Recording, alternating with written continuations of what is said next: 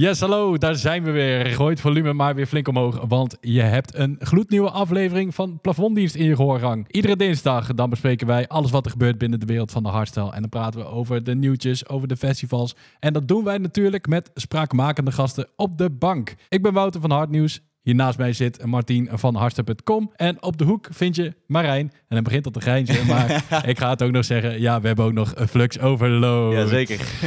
Vandaag op de bank. En volgens velen is deze artiest van vandaag namelijk een van de aardigste DJ's uit de scene. Dat is een leuke titel om te hebben. Maar deze geliefde man staat ondertussen met beide voeten op de grond. Dat is ook een van de vuistregels tijdens het boksen. En dat zie je hem ook genoeg doen op het podium van alle grootste stages ter wereld. Dus vandaag hebben we 50% van Guns for Hire, de Hunter of the Dark, DJ Adaro. Hoppa. Hey. Ja, dankjewel voor de mooie introductie, jongen. Jazeker. Zou je die iedere week zo willen horen op het Ja, podium? ja, ik kom iedere dinsdag aanhoren. Deal, dat gaan we doen. Ja, Thijs, echt ontzettend leuk dat je er bent vandaag. Heel fijn dat je plaats hebt genomen Graag op gedaan. deze bank. Ehm Martien, afgelopen vrijdag, toen hebben de stembussen van de Hardstyle Awards hebben gesloten. En ehm, heb jij stiekem gekeken hoeveel stemmen er naar eh, DJ Adaro is gegaan? Ik heb nog niet gekeken, maar ik ga dat ook niet doen, want ik moet even onpartijdig blijven in deze. Ja, ja, ja. Ah, het zijn er ook een hoop, dus wat dat betreft zou je dan veel uit moeten zoeken. hey, Marijn, jij bent eh, respectabel DJ natuurlijk. Nou, Maar hoeveel platen van onze gast van vandaag draai je gemiddeld in jouw set? minimaal één. Sowieso minimaal, minimaal één. De Man of Steel remix bijvoorbeeld, die draai ik echt, eh, Oh, leuk. echt als, altijd standaard in mijn sets. Ja, Ja, in ieder leuk, geval. tof. Dus, eh, Ja, laten we daar even verder in graven. Want als we, nou, Adaro, we hebben jouw carrière even onder de loep genomen. Yes. Maar ja, het is natuurlijk ook wel leuk om dat van de man zelf te horen. Dus hoe ben jij eigenlijk begonnen als, als artiest? Hoe ben jij de muziek ingerold? Ja, midden jaren 90 vol eh, zat ik met qua uitgaan in de, in de, ja, de hardcore gabber scene. Maar. Eh, ja, ik ging alleen maar naar die feesten. Ik was helemaal geobsedeerd door die muziek. Had je toen ook een kaal koppie? Ja. Ja? Ja, zeker. Ja, ja. Alles, alles. Ja, ik mocht het van, van mijn eh, ouders mocht ik geen trainingspakken thuis aan. En er was nog echt eh, van, eh, de, ja, de, dat doe je niet aan. Maar er was toen nog wat meer. En eh, dan deed ik stiekem, als we uitgingen, deed ik het in de auto eh, de kleren omwisselen.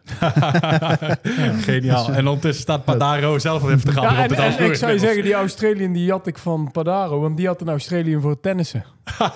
Ja, dat was voordat het een gabbermerk was, was het een eh, tennis eh, halve kakkermerk. Oh, sick. Ja. Nou, met de paplepel ingegoten wat dat betreft. Ja, ja, vooral was ik geïnteresseerd in, eh, nog niet eens zozeer in het draaien van die muziek, maar gewoon van, ja, hoe, hoe wordt dat gemaakt? Ja, heb ik het over midden jaren 90, stond nog helemaal niks op internet, tutorials en dingen bestonden niet. Ja, begonnen eigenlijk met een eh trackerprogrammaatje, sample-based, eh, op de computer. Ja, je wil vooruitkomen, dus eigenlijk op dat moment ging je naar, naar platenzaken, want ik, ik, ik wou alles op vinyl hebben, want de vetste platen stonden vaak nog niet eens op de, op de cd's. Dus wat je echt hoorde in de clubs, Ehm, ja, die, die, die wou je op vinyl hebben.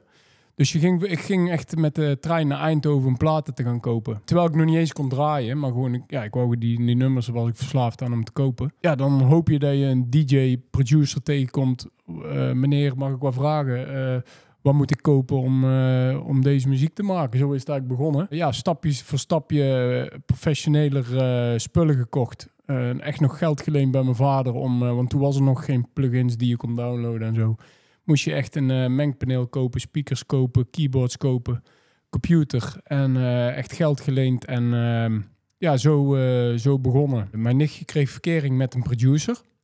Die, eh, die heb ik leren kennen. Daar heb ik voor het eerst eigenlijk een beetje eh, ja, gezien hoe het echt werkt van dichtbij. Toen heb ik via hem heb ik Ron van Kronenburg leren kennen. Daar ben ik met een maat van mij hebben wij een eh, project opgestart. En dat was eigenlijk meteen raak. Dat was een clubtrends project. Toen noemden we onszelf Driftwood. Nummer heette Freeloader. En die, ja, dat, dat was eigenlijk, ja, werd een eh, onverwacht in één keer een hit. Daarvoor heb ik trouwens nog wel een trendsplaat met Ron samen uitgebracht. Al onder de naam Adaro, maar dat was toen uh, trendsnaam. Dat was de eerste release, was eh, Tune of the Week nog bij Armin van Buren. Maar was echt een underground plaat, daar gebeurde verder niks mee. En toen met Driftfood, toen ging het echt los. Dat was kort op elkaar. Toen in één keer eh, kwamen er ook boekingsaanvragen. En eh, ik kon helemaal niet draaien. Ik had wel een platencollectie van, eh, van duizend platen, maar ik, kon- ik kon niet draaien. Dus Oké, ik, wa- wacht even. Want dan zit je dus met een hele berg aan platen in je, in je Ja. bezit. ja, en die, leende, ik- die had ik uitgeleend aan de maat van mij die wel kon draaien. Die draaide gewoon, eh, ik was die gek die al dat geld aan die platen besteedde en hij ging ermee draaien. Ja, ja. Je hebt er bijvoorbeeld ook, eh, nou, ja, als driftwood, want je noemt het net allemaal tussen neus en lippen door. Maar hey, Friedloader, dat verscheen in de charts wereldwijd, Ja. Nederlandse top 40. Dat is niet even een hitje, dat is wel Nee, gewoon joh, wij een hebben, hit. wij hebben op eh, Top of the Pops en alles gestaan, al die onzin. jongen. Dus eh, dat, eh, ja, ik kwam de hele dag op de radio, op de box had je toen, deed je iedereen te aanvragen in het dorp, weet je wel.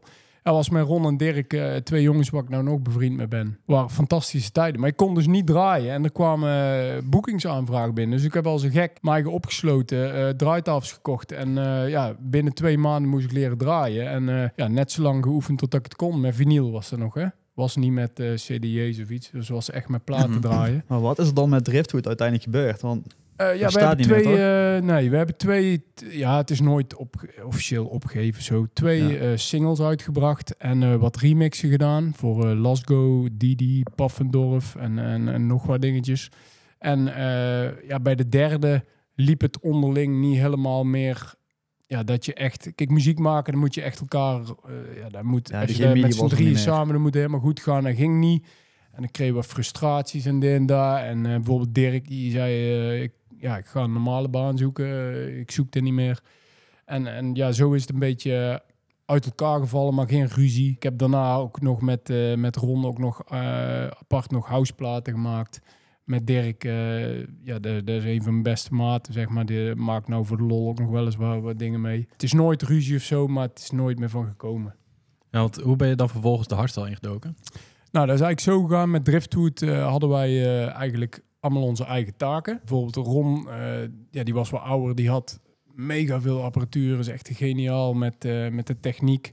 Eh, ik deed de, de melodieën, de ideetjes. En Dirk deed meer de beats. Allemaal onze eigen ding. En toen viel dat uit elkaar. En toen, ehm, ja, toen had ik eigenlijk zoiets van... Hey, ik was nou ook qua techniek... Ik wist wel wat, maar niet genoeg. En toen dacht ik van, ik wil nooit meer afhankelijk zijn van, eh, van... Want het stopte. En ja, ik had genoeg ideeën en vet... eh, ik kon gewoon doorgaan. Alleen, ik kon niet, niet alleen op dat moment. Dus toen dacht ik van, ik wil niet meer afhankelijk zijn. Ik ga het allemaal zelf leren. Heb ik eigenlijk gewoon, eh, ja, low-key... Eigenlijk gewoon alle handleidingen en synthese gaan leren... En alle technieken. Op dat moment kwamen ook alle software en zo begon toen werd het ook weer makkelijker door in plaats van al die apparaten zitten. Dat heeft een paar jaar geduurd. Heb ik weer eigenlijk de weg teruggevonden en toen kon ik het zelf. Toen op dat moment precies zat ik op een, een kruispunt, want ja, mijn, mijn smaak is heel breed. Ik hou echt van hele softe house tot aan eh, de hardste herrie. Vind ik mooi. Dus ik deed van alles, maar dat schoot allemaal niet op, zeg maar, om, om de ene dag house te maken en de dag erna hardstyle en dan weer eh, allemaal door elkaar. Dat, dat schoot niet op. En toen zei je eigenlijk, jongens waarmee ik toen house maakte en waarmee ik hardstyle maakte, eh hardstyle met Randy deed, die had ik inmiddels al leren kennen. En de jongen met wie ik house maakte, die house jongen zei eigenlijk tegen mij van, eh, ja, ik heb jou nou als DJ zien draaien als, als house DJ en als hardstyle DJ. Jij moet keuze maken, weet je wel. Maar ik zie aan jou, je bent, je bent de hardstyle, de, past veel meer bij jou. Maar ik vond alles leuk. Alleen ja, als je niet gaat focussen, werkt niet. Zei Randy ook, je moet kiezen man, dit, dit werkt niet wat je nou doet. Dus toen heb ik gekozen voor de, voor de hardstyle. Eigenlijk, ja, die jongen die die house met mij maakte, die had daar niks aan om dat advies te geven. Ben ik nog wel dankbaar voor dat hij dat gezegd heeft, want hij heeft wel gelijk gehad. Toen ik ging focussen, toen ging het eigenlijk goed. Kwam Hit You With The Bang Shit, Hunter of the Dark, de, de hits samen met Randy kwamen toen. Vanaf toen ging het helemaal top. Een goede keuze geweest. Ja, Goede zeker. keuze. Je weet niet als, het andere, als ik andere keuze had gemaakt, maar dit, dit, dit past goed bij mij. Ik vind het nog steeds allemaal vet. En als ik alle tijd van de wereld zou hebben, zou ik nog steeds alle muziek maken. Want het kriebelt altijd, weet je wel. Eh, maar eh, ja, je hebt maar beperkte tijd en alles gaat nu zitten in Adaro en eh, kunst met, samen met Randy. Nou, voor degene die alleen luisteren op Spotify, tegenwoordig kan je ook kijken. Maar hè, mocht je nou alleen je koptelefoontje gebruiken, echt de passie druit van je microfoon dat is af. niet normaal. Echt, echt niet normaal. Het Adaro-project, dat vertrok echt als in, ja, hey, eh, die Answers remix bijvoorbeeld. Nou, die ging echt door het dak heen. En zo zijn er nog wel meer van die platen. Zeg maar, had jij op een gegeven moment door dat je echt helemaal werd opgepikt en binnen no time eigenlijk jezelf hebt gevest binnen de grootste namen binnen de hardstyle? Ja, dat ging eigenlijk best wel snel. Eh, ja, je had het, als je het analyseert, dan had je het voordeel dat, je, eh, dat de timing goed was. Dat was niet bewust gedaan, maar op dat moment was dat de hardste shit. En vaak in de hardstyle scene is wat het hardste is, het coolste. Het, eh, er komt het meest dedicated mensen online op af, zeg maar. En ja, alles daarin ging goed en dan krijg je een soort sneeuwbaleffect, zeg maar. Ja, het, het ging allemaal heel, heel hard en, en, en, en snel, zeg maar. Dat, dat is zeker zo. Nou, het kon niet gek genoeg. En, eh, op een gegeven moment uh, Defcon mainstage hier en dan Ja. mainstage daar. Antempje hier. Ja. En eh, nou, echt inmiddels heb jij een cv van... nou, daar zou onze Flux Overload best wel jaloers op zijn, denk ik. ja, zeker weten. Nou, heel erg mooi. Maar weet je wat ik het mooiste vind? Ondertussen heb jij altijd oog gehad voor talent. Ja, daar ben ik wel altijd mee bezig, ja. Hoezo ben je daar zoveel mee bezig? Want heel eerlijk, ik ken heel weinig artiesten die zoveel zeg maar, doen om talent te gaan supporten. Je hebt eh, platen met Level 1, met Invector, Frantic. Allemaal van die gasten die ze hoeven niet eens bij je label te horen, bij Rafstate of welk label je dan ook hebt gezeten. Maar toch denk jij van, hé, hey, kom Ja, eens gewoon... ik heb ook altijd gedraaid van anderen en van talenten. En dat vind ik ook belangrijk. Ik ben ook zeg maar altijd iemand geweest die het leuk vindt om een nieuw liedje van iemand anders te ontdekken. En om dat als eerste aan een groter publiek te laten horen, weet je wel. Dat vond ik al, al vanaf het begin van mijn carrière vet, van, om iets te ontdekken. En dat, ja, als, daar dan, als ik daar aan mee kon helpen dat daar iets zou worden, dat, vind ik vet, weet je wel. Ik werk graag samen met jongens die ik ondergewaardeerd vind. Ik kan er niet zo goed tegen, zeg maar, als jongens heel veel heel goed ergens in zijn en het, eh, ze krijgen niet de waardering die ze ver- verdienen, weet je wel. Daar vind ik vet om, om, om dan met, ja, om daar ook mee aan te werken, weet je wel. Ik vind het gewoon ook leuk, nu ook. Heel veel eh, nieuwe talenten zijn jonge gasten die heel anders naar de muziek kijken als, eh, als ik doe, zeg maar. En dat, ja, dat vind ik ook weer inspirerend. Dus jij leert ondertussen dan ook weer van hun. Ja, zeker. Want hun, hun, hun zijn de nieuwe generatie en eh, kijken weer anders ernaar. En, en mijn grote ding is altijd vanaf het begin af aan eigenlijk al... wil ik nooit eh, een, iemand worden die zegt van... ja, dat bedoel ik dan niet feest mee, maar vroeger was het beter. En, en, en ja, een, Van de oude stempel. Een oude zeikert, Ja. weet je wel. Van het Mhm. nieuwe is niks en, en daar, daar, daar vind ik helemaal niks, die mentaliteit. Gewoon meegaan met de tijd. Zeker weten. Ja, want eh, ja, we noemden net al een paar van die talenten. Maar jij was bijvoorbeeld ook een van de eerste die een collab had met de Vertaal. Ja, maar dat is wel heel... eh daar hoorde ik wel meteen van, dit is echt eh, een uniek talent. En ik zeg- kijk, omdat ik ook met hem in de studio meteen zat, zag ik ook meteen wat hij ook bijvoorbeeld met, die, met eh, zijn eigen vocals en zo kan, weet je wel. Zo eentje die kom je één keer in de zoveel jaar maar eh, tegen. Zeg. maar. Nou, mega En dat blijkt man. ook wel eh, achteraf. Ja, Mega kijk maar naar dat charts van hem. Wat, eh, wat hij allemaal heeft neergezet Ja. de afgelopen Ja, jaren. Dat is echt bizar. Ja. Mega dik. Maar je had het net over eh, ondergewaardeerde namen. Zijn er een paar van die namen waar je zegt van ja, die, hadden, die, mogen, vragen. die mogen echt wel meer in de spotlight staan? Ja, dat vind ik zeker. Ik vind eh, een, een, een Kronos verdient veel meer waardering voor wat hij eh, gedaan heeft en, en kan. Eh, een Frantic precies hetzelfde. Ja, dat vond ik vroeger al bijvoorbeeld eh, een, een Arctic. Eh, die heeft ook nooit genoeg waardering gehad, vind ik, weet je wel. En eh, de, ja, de, de Machine. Ja, 100%. Ja, dat is echt een goede vriend van mij ook. maar wat En, denk jij eh, dan aan die jongens, wa- waarom dat het dan voor hun niet lukt? Of waarom dat ze Ja. dus dan zijn waar ze staan? ik weet niet of ik toch. Het is allemaal niet eerlijk, hè? Dus eh, ja, het heeft met.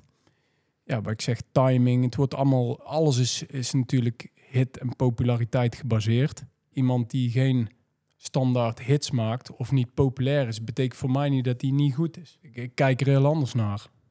En waar kijk je dan naar? Of ik iemand een goede producer vind. Ja. En een goede gast, een goede, een goede persoon. Dat is voor mij ook heel belangrijk met samenwerken. Ik denk dat het ook twee componenten zijn waar, het, waar een talent zeg maar, ook in kan, kan, kan, hoe zeg je dat, kan streven zeg maar, om, om beter te worden. Zeg maar. Als je een goed Ja. persoon bent, dan heb je eigenlijk al een, in principe een- niet per se een streepje voor. Maar dan ben je wel in ieder geval wel een type waarvan we denken van... Nou, daar kan je misschien wel lekker mee werken Ja, natuurlijk. maar weet je wel. tegenwoordig eh, werkt het eigenlijk allemaal met, met eh, alleen maar met hoe, hoe, hoeveel hits score je, hoe ben je op social media en al die dingen. Ja, precies. Ja, ik, weet, ik snap ook dat het zo werkt en ik begrijp het allemaal. Alleen, Mhm. eh, ja, het is niet helemaal mijn stijl. Echte purist hier op de bank. Mooi man. In de plafonddienst doen we wekelijks de ingestuurde festivalverhalen en de frustraties bespreken. Waar raak jij nou niet over uit te praat? Waar lig jij nou echt wakker van? En waardoor draai jij dus plafonddienst? Deel met ons het spraakbericht via het plafonddienst, de podcast. En ja, nou kregen we er eentje binnen. Dit bericht Ik ben benieuwd wat jullie hiervan vinden.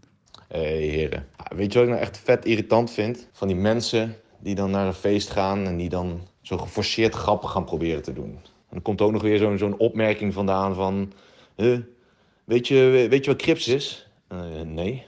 Ah, daar ook. Oh, ja, die ken ik al. Dat, dat soort dingen. Dat soort kutgrapjes. Je kent hem. Ja, nee, ik, ben- ik ben wel echt wel van de woordgrap hoor. Alleen eh, die, eh, die hoor ik nou al iets te lang. Maar ik lach nog altijd als maken hoor. nou, mannen, kunnen jullie deze frustratie delen?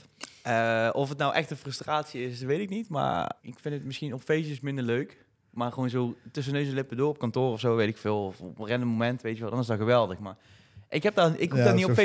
Ik, feest- nee, dat klopt, man. dan probeert iemand inderdaad geforceerd naar je toe te komen. Hey, en, eh, en dan gaat hij een woordgrapje vertellen, zeg maar. Eh, maar eh, Wouter, ik- jij bent de koning van de woordgrapjes. Ja, daar komt iets. Ja, ik, ik ga daar mega goed op. Ik ga er echt mega goed op. Ik, sterker nog, er wordt hier gesteld van geforceerd grappig doen.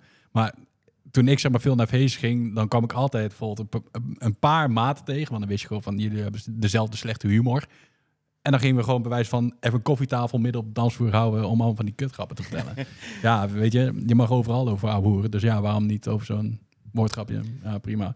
Ja, dan kwamen we bijvoorbeeld eh, met, eh, want we hebben dan net over, hey, weet je waar Crips is? Ah, Daro. Nou, wij gingen dan andere variaties bedenken. Bijvoorbeeld, eh heb je die marathon gelopen? Nee, ik ren die niet. Heb je die ene gast van Gearbox al zien draaien? Nee, hij moet een andere keer. Andere ex. Ja, ja, ja. Ik, ik dacht, leg hem even uit, want ik kreeg hier geen reactie. Jij dacht over, dat het over die ene ex ging, maar het ging over die andere ex. Ja, maar kijk, nu zijn ze dus wel leuk. Ik vind dit nou wel grappig, weet je wel. Maar ik hoef dat echt niet te horen op een feest. Daar, ben ik, daar, kom ik niet voor, eigenlijk. Ja, ik wel. ik, ben, ik ben wel zo'n guy. Dus sorry, gozer. Dan gaan we door naar het volgende onderwerp. Want volgende week staat Origins op de planning. Volledig uitverkocht. Meer dan 10.000 bezoekers. En 30 plus van de grootste helden uit de Raw Classics periode. Inclusief Adaro natuurlijk. Yes. Maar ook Warface met Art of War. Regain met Point of No Return. Och, jongen. Bifrex. Ga ze maar door. En dan, dat, dat dan in twee area's. Ja, wat maakt dit nou zo vet? Alles. Ja, dat is echt tering dik. Het hele, het hele concept, eh, sowieso Raw Classics, is wel iets wat de afgelopen tijd wel steeds populairder aan het worden is ook weer. Het is altijd al populair geweest, maar je merkt dat er nu echt nog veel meer aanvraag naar is. En de artiesten die nu komen draaien, dat zijn artiesten die eigenlijk niet zo heel vaak of weinig uh, Raw Classic setjes hebben gedaan. Kijk maar naar een Warface bijvoorbeeld. Die heeft, ik kan het op één hand tellen, misschien dat hij een paar classic sets heeft gedraaid. Malice. dus- ja, Malice bijvoorbeeld of zo. Unresolved. En, Unresolved. En eh, ook uh, artiesten van de tweede area, die wat meer underground zijn, zeg maar. Ja, die krijgen dus ook nou weer een podium. Ja, voor mij wordt het het feest van het jaar. Dat kan, dat kan ik je wel, Ja, kan voor ik mij wel ook, vertellen. 100%. Maar dit was ook echt die tijd dat wij toen echt iedere week gingen. Ja, dat ga, Dat ik was nu, voor mij, dat was dit de tijd. dat ga ik nu eigenlijk ook nu nog steeds. Ja, jij wel. We gaan graag weer verder zoeken, maar... eh, nee, maar wel die muziek inderdaad. De muziek uit, ja, wat is het, 2014 tot en met 2017? Ja, 2012 tot en met 2017 ongeveer is die tijdsbestek ongeveer. Denk het. De, de, de jaarlimieten, zeg maar. Dus ja, weet je, dat, dat 2014, 15, 16, dat is wel echt de, de Classics periode geweest, weet je wel. Ja, ik vind het echt fucking goud. Dus eh, ja, kom maar op. Nou, en ondertussen daar ook- waren ook echt glorietijden voor jou toen, toch? ja. Ja, dus stond je echt overal. Ja, zeker. Eh, nee, ik heb er ook zwaar zin in. Ja. Kijk, eh, het verschil met vroeger was alles beter is, vroeger was alles beter. eh, volgens mij gaat het tot 13 of 14. Mhm. En nou eh, kun je wel langere jaren kiezen. Kun je, ja, dat vind ik helemaal vet. Dat je dus echt ja, platen van 2010 ook eh, doorheen kunt gooien of zo. Ja. Dus dat ja, maar dit was iets- echt jouw prime time toen, volgens mij, toch? Echt die tijd, want hij noemde net bijvoorbeeld Answers. Ja. Volgens mij is eh, werd hij 12, toen in iedere 13, eindshow werd hij 14, toen gedraaid op dat moment. Ja, 12, 13, 14 is denk ik... eh 15 is mijn eh ja, toptijd geweest. En hoe kijk je dan eh, naar eh, de, ja, in principe, de, ik noem het ook de, de wel de Raw Classics, maar eh, van 2014 tot en met 17, zeg maar. Beschouw je dat eigenlijk wel als Raw Classics? Of, Ja, eh, zeker, ja. zeker. Ja, wa- was een regel wanneer iets classics genoemd mag worden. Ja, Maar nou, we is- zijn inmiddels ook alweer zes, eh, zeven jaar verder. Hè? Dus, ja, eh, precies. Ja, maar er zijn wel veel puristen, zeg maar, die, eh, die dat zelf ook wel eh, zien. Ja, zeg maar weet je wel, eh, ja. 2015 is de max, weet je wel. Maar je, Nee, dat vind ik- de dat vind mee, ik- vind. Ja, maar dat zijn toch ook gewoon de beginjaren van de Raw. Ja, nou Dan ja, zijn het iets- toch gewoon klassiekers maar, in het eh, Raw-genre. En ja, dan kan je niet al eh, heel betwisten. Ja, precies. Maar het, het wordt nu steeds verder, zeg maar. Ik, ik persoonlijk vind 2017 de max. Ja, het moet wel een paar jaar geleden Ja. zijn. Maar Ja. eh 17 zullen ook al veel mensen het niet mee eens zijn. Ja, dat klopt, ja. Maar ja, goed, eh, er zitten echt genoeg, genoeg plaatjes tussen die daar ook nooit meer gedraaid worden. Kijk Nee, maar naar dat kijk maar naar eh, E-Force album, dat Edge of Insanity bijvoorbeeld of zo. Of eh, welke heb je nog meer uit 2017? Eh, ja, noem maar op. eh, er zijn er genoeg. Dus Ja. ja, ik, ik beschouw dat wel als rock classic. En ik vind het heel tof dat een, een Origins daar eh, heel goed op in heeft gespeeld, zeg maar. Ook met Ja. het aanbod aan artiesten. Want wat doen classics voor jou, eh, eh, Thijs? Wat eh, betekenen deze platen allemaal voor jou? ja, terugbrengen naar die periode, zeg maar, dat je dat gevoel weer krijgt. Hè? En vooral hoe, hoe, hoe blij je daar het publiek mee maakt. Vind ik heel tof. En het is ook echt andere muziek als tegenwoordig. Wat ik al zei, het is niet van, het was toen beter. Ja, het was op bepaalde vlakken beter. Maar er was, er was wat meer diepgang in de muziek. Dat is zeker zo. Het was nog niet allemaal kick-drop-based natuurlijk. Waardoor het nu allemaal wat generieker is. Maar... eh, ik vind ook heel veel dingen van nu vet. Het is, het is een andere, ik zie het echt als iets, een andere stijl draaien. En daardoor vind ik het ook leuk om te doen. Ja, want wat is jouw favoriete eigen classic?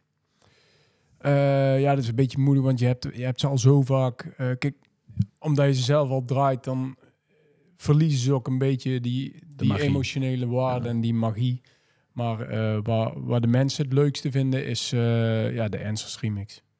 Dat begrijp ik, maar ik vroeg, wat is jouw favoriete Mijn favoriete, dan eh, is dat eh, voor The Hunter of the Dark, voor wat het voor mij betekend heeft voor mijn carrière. En eh, als ik echt kijk, wat vind ik het mooiste liedje waar ik het trotste op ben, dan is dat wel eh, eh, Guns met Sorrow. Oh ja, tuurlijk. Oh, ja. Dat was ook toen eh, de nummer 1 van dat jaar. En dat vind ik ook nog steeds eh, echt iets, iets aparts. Als je kijkt naar het hele Ik vind nummer sowieso zelf, zeg maar. Guns eh, vind ik iets apart. Gewoon nog st- nog steeds. Ja. Ondanks dat het er al heel lang is. Daar eh, ben ik heel, heel trots op wat we er allemaal mee Ja. gedaan hebben. Ja, een van de langslopende live acts en dan ondertussen gewoon zeg maar, frequent op gaan treden. Ik bedoel, Ja, we dus- zijn nooit gestopt. We zijn altijd doorgaan. We hebben elk jaar eh, wel een paar klappers gescoord. En we gaan nog steeds keihard door. En het gaat echt fucking goed. Dus ik ben echt... eh, ja, dat, dat neem ik heel serieus. Ja. Nou, we gaan het straks Ja. uitgebreid eh, nog verder hebben over Guns for Hire. Ehm, Ja. Ik wil nog even teruggrijpen op die classics. Want je noemde het net al, de, de muziek is echt eh, verschillend ten opzichte van nu. Maar waar zitten de grootste verschillen in dan? Kijk, toen was het eh, meer de sfeer die de plaat bepaalde. Ook of iets hard was, toen was er nog heel veel duister. Nou, duister bestaat nou bijna niet meer onderhand. Als iets hard is tegenwoordig is het vaak vrolijk, de melodieën en zo. En toen was het veel duisterder. Die sfeer hoort bij mij wel een beetje bij, bij classic eh, gevoel thuis. Ja, toen was het helemaal niet kick-drop based. Dus er moesten interessante dingen in de drops gebeuren. Dus de, wat dat betreft was het toen creatiever. Alleen als je kijkt bijvoorbeeld, eh, als je het gaat beoordelen op... eh, toen was het veelal dezelfde soort kick. Zeg maar. En dat is nu weer heel anders. Dus dat is misschien dan weer beter aan nu. Dat er veel meer moeite gedaan wordt om, om aparte kicks te maken. Is er iets dat je vanuit de classics periode toch liever mee zou nemen in deze periode? Of andersom? Dus dat je denkt van, ah, hadden we dat toen maar gehad. Nou, daar zit ik zelf ook heel veel aan te denken in de studio tegenwoordig. Van wat kan ik uit die classics tijd weer terugbrengen in de muziek van nu. En dat het toch fris en van nu blijft. Dat het niet gedateerd klinkt. Ja, dan, dan denk ik dat een liedje origineler gaat worden. Omdat je daar heel veel inspiratie uit kunt halen. Omdat er zoveel verschillende classic platen met bepaalde gevoel waren. Je had de Italiaanse stijl. Je had de, de, de, de eh, Minus is More beginstijl, zeg maar. Dat sfeertje. Je had wat wij deden. Je had eh, eh, de, de, de euforische die af en toe met een hardere plaat kwamen, weet je wel. Dus het was allemaal wel wat, wat, wat origineler en niet zo formule-based als nu, zeg maar. Dus daar kan je echt wel inspiratie en dan probeer ik ook. eh, ik heb allemaal al ideeën voor volgend jaar in mijn kop van eh, ik ga een keer weer een duister maken. Ik ga een keer eh, een beetje zoals die plaat of dat. Daar ben ik allemaal mee bezig. Dat je teruggraaft om inspiratie te krijgen. Ah, mega dik, man. Ja, me- mega dik. Ik hang aan je lippen. Ja, serieus. Ja, ik moet nog steeds doen, hè. maar we hebben het nu al bijvoorbeeld, die break the base met level 1 en met deviate. Daar, eh, daar komt echt eh, doordat eh, ik met, eh, eh, met Bas en Peter in gesprek was en eh, van bijvoorbeeld die plaat van eh, Zani en Tatanka met deviate front to back. Daar zat eh, de rap van Peter vol op de kick, zeg maar. Dat is daarna wel vaker ook gedaan. Ook een keer, eh, volgens mij, Digital Punk Frequencies en Nols. Dat echt de rap Ja. helemaal doorging op de kick. Met Guns hebben we te pakken gedaan. Maar de laatste jaren hoor je dat helemaal niet meer. Je hoort die rap pas voor het eerst echt en dan meteen met een keiharde kick eronder. En dat geeft een bepaalde sfeer. Dat doet mij dan meteen weer denken van, hé, hey, eh, die sfeer van tien jaar geleden. Maar wel met die kick van nu, weet je wel. Het is ook echt het spraakmakende deel van, van, eh, van de track, vind ik. zeg Ja, maar wat Dus- ik het mooie vind, wij weten dus niet nu van gaat dat ook, gaat, gaan die jeugd, gaat, dat, gaan die dat ook leuk vinden? Ja, precies. Bijvoorbeeld, ik, ik heb hem pas een keer gedraaid en dan merk je bij de eerste drop die wat meer van nu is, dan gaat erin, eh, dan zie je gewoon meteen, eerste keer horen, gaat helemaal los. Maar bij die rap merkte je dat dat niet dat, die reactie was, weet Ja, je wel. precies. Maar ja, dan heb ik toch weer scheid eraan, eh, omdat, het, omdat wij het vet vinden. Ja, precies, ja. ja, ja, ja. Ja, je moet toch uitbrengen wat je zelf ook leuk vindt. Ja, zeker, zeker. Maar nu wordt er heel veel uitgebracht wat moet werken. Weet je wel, moet, moet meteen de eerste keer dat je draait, moet meteen losgaan. En als dat niet is, dan eh dat is niet de goede ding. Dus we moeten. En dan, en dan krijg je formule-based muziek. Ja, maar dat is wel wat met, met talenten vooral. Die willen er natuurlijk tussen kunnen, kunnen, kunnen Ik snap kunnen het vallen, zeg volledig. maar. Dus en ik ben er zelf ook soms schuldig aan. Want het is niks. Dat is een half kutgevoel als je iets draait en, en je ziet dat Mhm. het publiek stilstaat. Daar word je onzeker soms Ja. van. Dus ik begrijp het helemaal. Alleen, ja, dan komen we niet verder qua creativiteit als iedereen maar eh, dezelfde formule blijft volgen. En ik hoop dus dat, ehm daar hoop je dus vaak als je al weet van dit gaat niet de eerste keer los, want er is eh, bij sommige dingen weet je dat.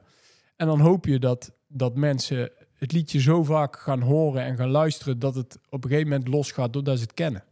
Ja, of dat ze er naar moeten leren luisteren, zeg maar, in die zin. Weet je wel, soms is een plaat op, op het eerste opzicht gewoon ja, niet zo heel geweldig. Ja, dat die gaat groeien. En dan gaat die groeien Ja, inderdaad. dat is, En het, dan- al, en dan dat is het allermooiste wat er is. Alleen eh, nu in de tijd van tegenwoordig krijg je vaak die kans niet.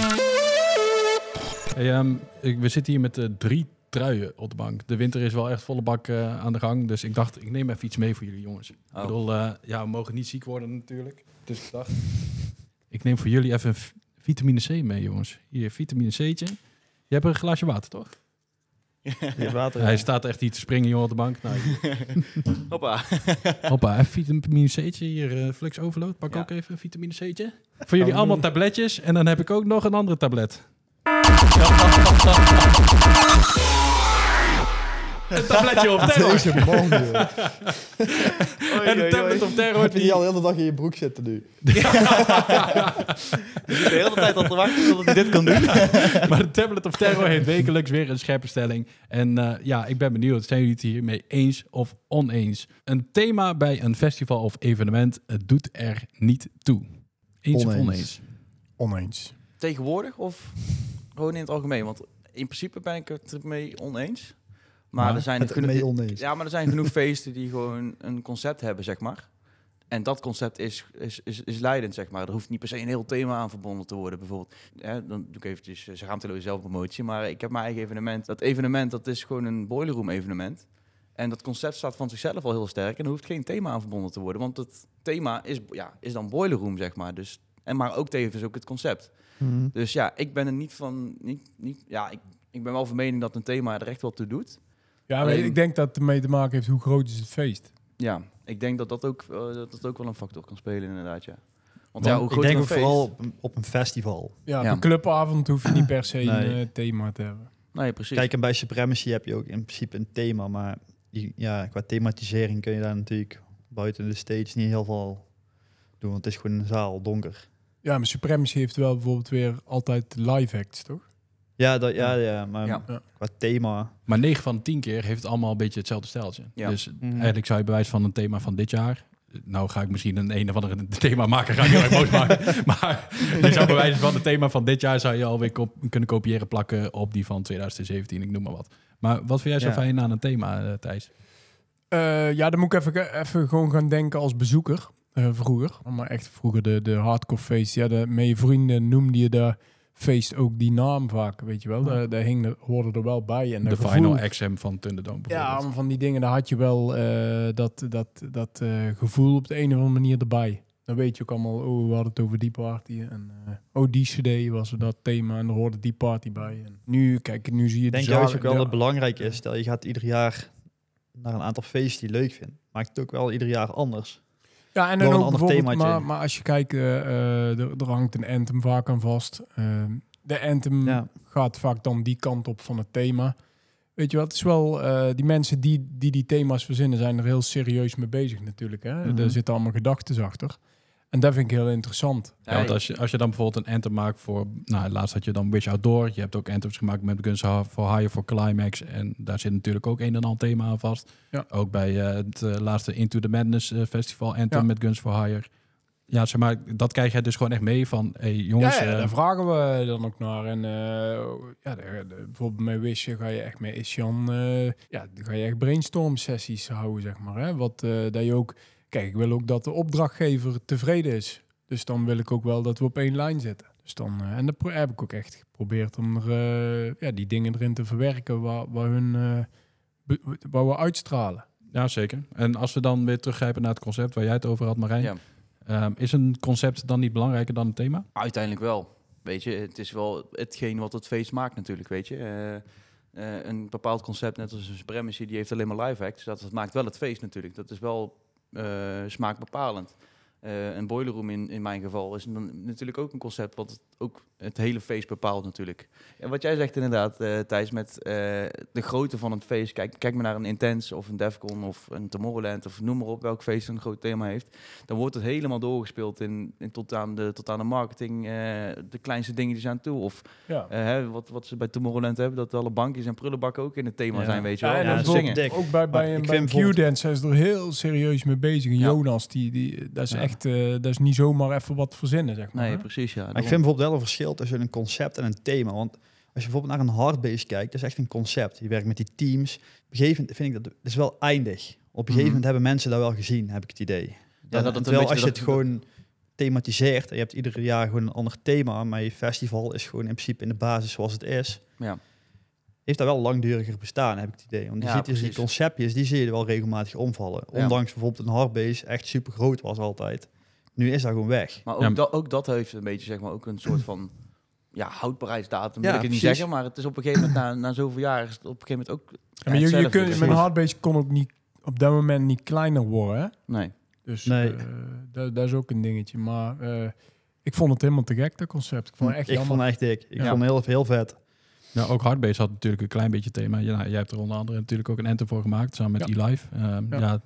toen kreeg je dus ook gewoon echt een presenteerblaadje van dit is zeg maar het idee van Hardbase dit jaar. Of was toen echt Maar meer die was nog vrij, eh, vrij open wat ik eh, toen eh, ermee kon, zeg maar. Dus, maar daar heb ik wel echt ook over nagedacht samen met E-Live en zo. Hè? Dus ja, Om terug te komen op de stelling, een thema doet er zeker toe. Zeker. Ja, Ja, 100%. 100%. Maar een concept nog meer. Reken maar weer open. Hey Thijs, eh, over thema's gesproken, want Guns for Hire doet ook ontzettend veel met thema's. De gezamenlijke live act met eh, Randy, die Ja. stamt inmiddels al, al vanaf eh, 2011, Decibel Outdoor, eerste optreden. Ja. Maar wat ik me afvraag, hè, zijn er mensen die bijvoorbeeld nog niet weten van dat Guns for Hire jij en Randy zijn? Iedere dag. Ja, echt? Iedere dag. Ik heb het afgelopen week nog in onze groepsapp gehad. Ik zweer het. Ja, joh, maar er, ja, er komen er elke dag nieuwe 15, 16-jarigen bij die voor het eerst hardstyle gaan luisteren. Ja, en dan eh, komen ze Guns tegen een keer en eh Randy en de Daro. En dan, ja, dan, ooit gaan ze voor het eerst horen van, daar zijn die. Ik heb ook een vraag. Is het ooit voorgekomen dat een van jullie ziek is? Nee. Dat toevallig iemand anders een masker op gedaan heeft? Nee, en als, en als we ziek waren, zouden we nog gaan. ja, ja, dat is respect. Kots, kotsen wel onder het masker. Special effect. Er er heeft nog nooit zeg maar, iemand zeg maar, die maskers en die pakken aan moeten doen. En dan vervolgens Nee, nee, of nee. net zo hoog als Randy moeten hakken. Of net Nee. als jou zo moeten boksen. en, Nee, nooit. Nee, nee. dat vind ik wel Volgens mij, ik zit te denken of er ooit een is, eh, niet is doorgegaan. Ja, ik heb een keer in Rusland vastgezeten in een hotel met een vlucht die niet meer ging. Toen heeft Randy er een, eh, een, een, draaiset, een solo draaiset van gemaakt. Toen moesten we in Rusland. Je zat vast in het in Dat het was hotel? allemaal met tussenvluchten. Oh ja. we, eh, we kwamen alle twee van een verschillende andere stad af, zeg maar. Mhm. En eh, we vlogen al, al twee apart. En bij mij ging die vlucht niet, dus ik kon het optreden niet halen. En hij kon het wel halen. Dus Guns ging niet door en dan werd de Randy draai optreden. Nou, dat is toch handig als je dan met z'n tweeën bent. Ja. Ja. Toch wel lekker. Ja. Hey, ehm, ja, teruggrijpend op het begin van Guns for Hire. Want hoe is deze live act samen met Randy ontstaan? Waar ken je Randy eigenlijk van? Ik kom uit uh, Schaik, er was een discotheek. En eh, de, de highlight, die deed eh hardstyle avonden. Daar, eh, dat was al, ik denk, we hebben het over 2005, 2006 dat dat begon. En ehm, ja, ik kon natuurlijk na Driftwood kon ik draaien. toen, eh, toen, ja, ik vond het ook heel leuk om te draaien, ook aan verschillende stijlen. En ik eh, vond hardstyle te gek, omdat dat toen, eh, ja, toen had je de muziek van Showtek en zo. Zani, de eerste dingen, vond ik helemaal, helemaal tof. Want dat deed me echt denken aan de oude hardcore sound. Daar ging ik toen als resident draaien.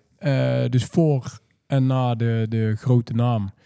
En eh, Randy was nog niet doorgebroken. Die kreeg een eh, vriendin in Zeeland, dat ligt naast Schaik. En die eh, eigenaar van die discotheek, die zei tegen mij van... hier, iets verderop woont die jongen, die wil ook een keer komen draaien. Kan, kan je even kijken of dat iets is? En toen kwam Randy draaien en ja, je weet hoe die is. Die had een eigen intro gemaakt, die ging scratchen en en dat. Dus ik zeg, ja, die kan wel draaien. Zeg, en eh, ja, we, we waren aan de praat geraakt. Bleken dus vijf minuten van elkaar af te wonen. En eh, ja, alle twee een studio te hebben. En eh, ik denk dat we een week daarna muziek zijn maken samen meteen en nooit gestopt. Holy shit. Want ja, dat begon dan met eh, plaatsen zoals Under Attack en Struggle for Hij Existence. begon met andere platen. Je ziet ook dat wij in het begin elkaar... ja, we zijn meteen muziek gaan maken voordat we elkaar goed kenden. En je kon ook zien dat de eerste platen deden niet zoveel. Dat was eh eh, Fade to Grey en eh, Defect Your Brain. En, en, nog één stond erop. Stom dat ik de titel niet. Die- dat waren niet de klappers, zeg maar. En na de vierde plaat was eh, Under Attack. En toen waren we al echt wel, al, ja, we werden vrij snel echt hele goede vrienden. Ik weet van mezelf ook dat, dat ik niet, niet voluit ga in de studio als ik iemand niet goed ken. Dus ik weet ook van, eh, ja, daarna ging het gewoon, ja, kwamen echt de vette platen pas. En toen ging het als een, als een trein, eh, Under Attack, eh, Struggle for Existence. En toen bij Gangsters Don't Dance kwam eigenlijk de, de omkeer dat we zeiden van, oké, ja, het klikt zo goed tussen ons binnen en buiten de studio. We gaan er iets van, van maken, zeg maar. In plaats van als Randy en Adaro uit te brengen, gaan we live act doen. En dat eh, zijn ja, diverse brainstorm sessies geweest van... eh, ja, wat voor live act? Moet wel, eh, want toen had je een paar live acts gewoon dezelfde gezichten als de DJ, maar dan een laptop erbij. En nou, het moet wel entertainment zijn, weet je wel. Ja, wat vinden we alle twee tof?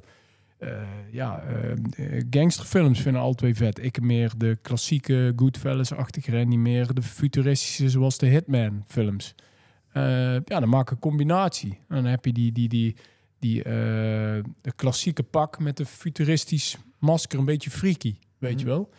Ja, dat is ook nog een hele zoektocht geweest van wat voor masker doen we? Doen we wel een masker of niet? Kregen we nog advies van de Prophet. Van, eh, die had ooit live gedaan. Die zei, smink moet je niet doen, jongen. Dat is allemaal gekut. eh, ga je zweten, gaat allemaal van je gezicht af. Iedere keer als je een optreden moet doen, moet je make-up mensen meenemen. Als je in het buitenland moet, moet, moet je dat ook weer regelen. Dus praktisch gezien kloten. Oké, doe een masker.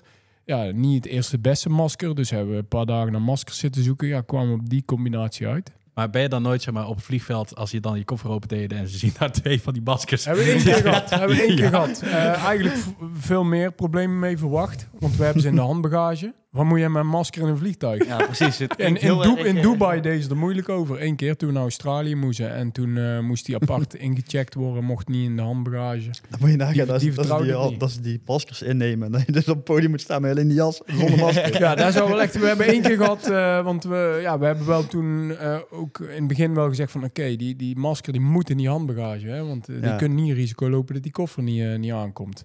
Maar toen een keer hadden we dus dat we ehm, ja, pak toch in de koffer hadden zitten en masker wel bij. En toen kwamen we aan bij de discotheek, ja, koffer komt niet aan. Ja, eh moest, moest die een of andere vent zijn trouwpak halen. ja. Dus eh, daar hebben we wel Dan eens heb je iemand anders ja. pak aangedaan. Ja, met, Air- met, met Air Max eronder. Ja, maar mega vet. Eh, jullie doen heel veel met thema. Eigenlijk iedere live show van jullie heeft dan bijna ieder jaar zeg maar, een heel ander sausje erin. Ja. Waar zit je nu op te broeden dan? Want ik zag op Rebirth een aankondiging. Eh, ja, Sin City gaat het worden, het nieuwe thema. En eh, ja, we moeten het nog allemaal uitwerken, maar dit- we weten al zeker dat dit het eh, gaat worden, de titel. En er zal ook een track in die, in die eh, ja, zoiets komen. Alleen we gaan nu echt weer beginnen eh, ja, aan het werk voor, voor Rebirth. Want hoe vernieuw je dan eigenlijk zo'n live act als een kunst voor hire? Waarmee, wat zijn de pijlers waarmee je dan aan de slag gaat? Eh, nieuwe, allereerst de muziek. Dat vinden we het allerbelangrijkste natuurlijk. Nieuwe muziek. Komt nieuwe artwork. We willen wat meer met social media gaan doen. Er is veel meer mogelijk met guns op social media ook wat we nu, dan wat we nu, nu doen. Alleen het probleem bij ons is echt die twee carrières. Waardoor er eh, ja, gewoon eigenlijk wat in, gewoon tijd tekort is om het helemaal te doen. Dus, maar het gaat altijd nog goed. Er komen nieuwe visuals bij. We proberen altijd wat, wat nieuws in de show, een element eh, te doen. Maar we zijn nou weer volop aan het brainstormen. En eh, ja, we gaan nou echt weer aan de muziek eh, beginnen. We- alhoewel we nog heel... We kunnen nog tracks uitbrengen van de vorige tour. eh, omdat we toen ook ja, ons kapot hadden gewerkt voor Rebirth, Defcon. Zo, ja, we liggen goed op schema. Ik kan me voorstellen dat met de carrières die jij en Randy zeg maar, samen hebben... en dan ook nog eens als Guns for Hire... dat het best wel lastig is om die drie agenda's bij elkaar te kunnen voegen. Ja, En- het is echt eh, ja, heel stressvol wat dat betreft. En eh, ja, dag en nacht werken. Hey, ik heb eh, nog eigenlijk één, één persoonlijk vraagje. Jij hebt ehm, best wel wat tracks uitgebracht. Ook onder zeg maar, Guns for Hire dan erbij. En wat je net al zei, Driftwood en zo. Maar een Adaro-album, gaat dat ooit nog komen? Ja, ik, ik eigenlijk, eh, omdat ik weet hoe ik zelf in elkaar zit, is daar er nooit van gekomen. Ik weet van mezelf, van soms als het goed gaat, denk ik van ja, zo'n album, dat kan ik ook, jongen. eh, Omdat je dan een paar platen snel hebt kunnen maken. Maar dan heb je er weer in één keer eentje waarin het tegen zit, weet je wel. En, en dan denk je, ja, als ik dan een album had gepland, dan was ik nou weer in de stress gekomen, weet je wel. Dus Mhm. ik vind het eigenlijk relaxter om single te releasen. En, eh, maar ik zit er steeds vaker over te denken, misschien ooit, maar ja, van de andere kant is, ja, was een album nou eh, nog tegenwoordig zit ik ook weer te denken van ja, nou in die, in die Spotify-tijd, kijk in de hardstyle scene gebeurt het nog, maar daarbuiten zie je het weer veel minder. Ik betwijfel of het de, het, de, eh, de, de, de stress in mijn kop waard is. Ah, misschien dat ik een bot voorbeeld erbij pak. Maar je hebt het gezien bij Randy. Je kan het gewoon uitstellen. Ja, ja, ja dat, weet, dat weet ik. Ja, ja dat, dat kan, dat kan, dat kan. Maar het is natuurlijk wel, als je een album maakt, zit je ook een tijdje uit de picture. Ik vind dat geen relaxed gevoel als ik uit de picture ben. Ik wil eigenlijk non-stop non-stop platen uitbrengen en eh, non-stop in beeld zijn. En ook als ik iets maak, dan wil ik het zo snel mogelijk draaien. Lijkt me heel kloot en vooral een tijd van nu om lang mee moeten wachten, weet je wel. Eh, want het kan zo alweer gedateerd klinken natuurlijk. Ja, dan heb je mega klapper Ja. in de studio gemaakt. En dan moet je daar tien Ja. maanden op gaan zitten omdat er een Ja. album aankomt. Ja, ik sluit het echt niet uit, hè, want een echt conceptalbum lijkt me ook wel echt wel tof, weet je wel. En ik heb zoveel ideeën. Misschien komt het er wel ooit van, maar eh, Het hoeft Ja. ook niet per se een heel album te zijn. Het kan ook bijvoorbeeld een EP zijn. Of, ja, daar, zat ik, daar zit ik dus meer aan te denken. Om- met Guns om, heb je dat ook eh, nooit gedaan, toch? Nee, maar ja, dat komt allemaal Dat zou door, wel die, vet door, zijn, door, die, denk ik. door, die, door die ja. jongen. Ja. Guns album is wel dik hoor. Ja. Ja, Ah, Ja, album is ook dik. ja hoor. ook, heel- ook Ja. vet. Ja, ik, denk- ik zeker. denk dat het allemaal nog ooit wel gaat gebeuren. Maar het zit nu niet echt in de planning. Nou, en als we dan toch die planningen bij gaan pakken. We gaan de uitzending nu een beetje afronden. We zijn aan het einde gekomen van deze aflevering. Ja. Maar voordat we hem officieel eh, ja, de stekker eruit trekken. Van deze aflevering dan. Wat zijn jouw plannen voor 2024? Heel veel. Ik eh, wil, eh, ja, wat ik net allemaal vertelde, met Guns komen met een hoop eraan. Eh, qua Adaro eh, wil ik veel meer solo tracks maken. Het gaat nu echt super lekker. In, die- die flow wil ik, wil ik doorgaan. Collabs, ik ben ook echt een teamplayer, dus dat blijft ook gebeuren. Ja, de jongens waarmee ik altijd al collabs maak, zullen ook gewoon nieuwe van komen. De belangrijkste collab voor mij die eraan komt, heb ik al heel lang over gehad met, met Brennan Hart. En daar heb ik echt zin in. Zo, vet. Nice. Ja. Is het- Heel vet. ik, ik wist hier nog niks van, eigenlijk eerlijk gezegd. eh. Nee, dat is ook wel een. eh dat, dat is, eh, ja, daar heb ik nog nooit eh, uitgesproken. Maar daar hebben we al heel vaak over gehad. En nu denk ik dat het wel eh, serieus gaat gebeuren.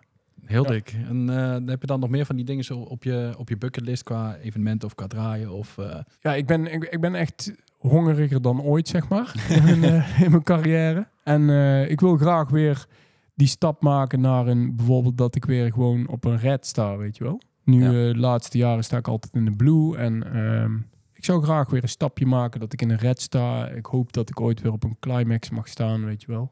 Dus dat is mijn eh, grote drive. Ja, om gewoon weer een paar trapjes omhoog te doen. Ja, vet man, heel goed om te horen. Hey Thijs, wij willen jou echt ontzettend graag bedanken voor, eh, voor jouw komst. Ja, de stemmen zijn inmiddels geteld voor de Hardstyle Awards. Jij als talentenspotter, ben je tevreden met de nieuwe aanwas aan artiesten?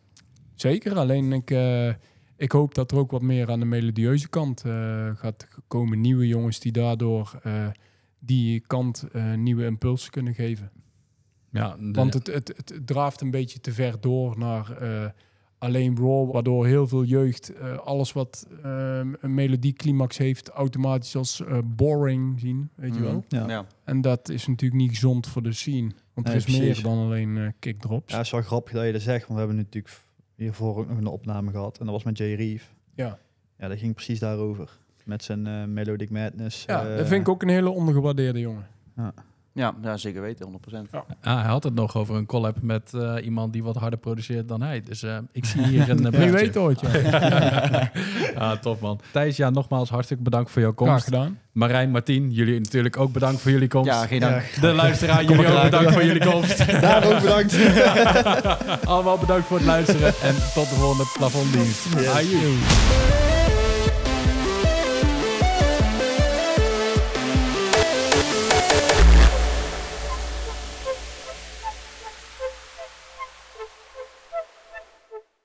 Dan vraag je nou net degene die, die echt gewoon totaal niet goed is heeft moppen. misschien nog wel een goede mop. Nee joh, ik kan er niet eh, ter plekke...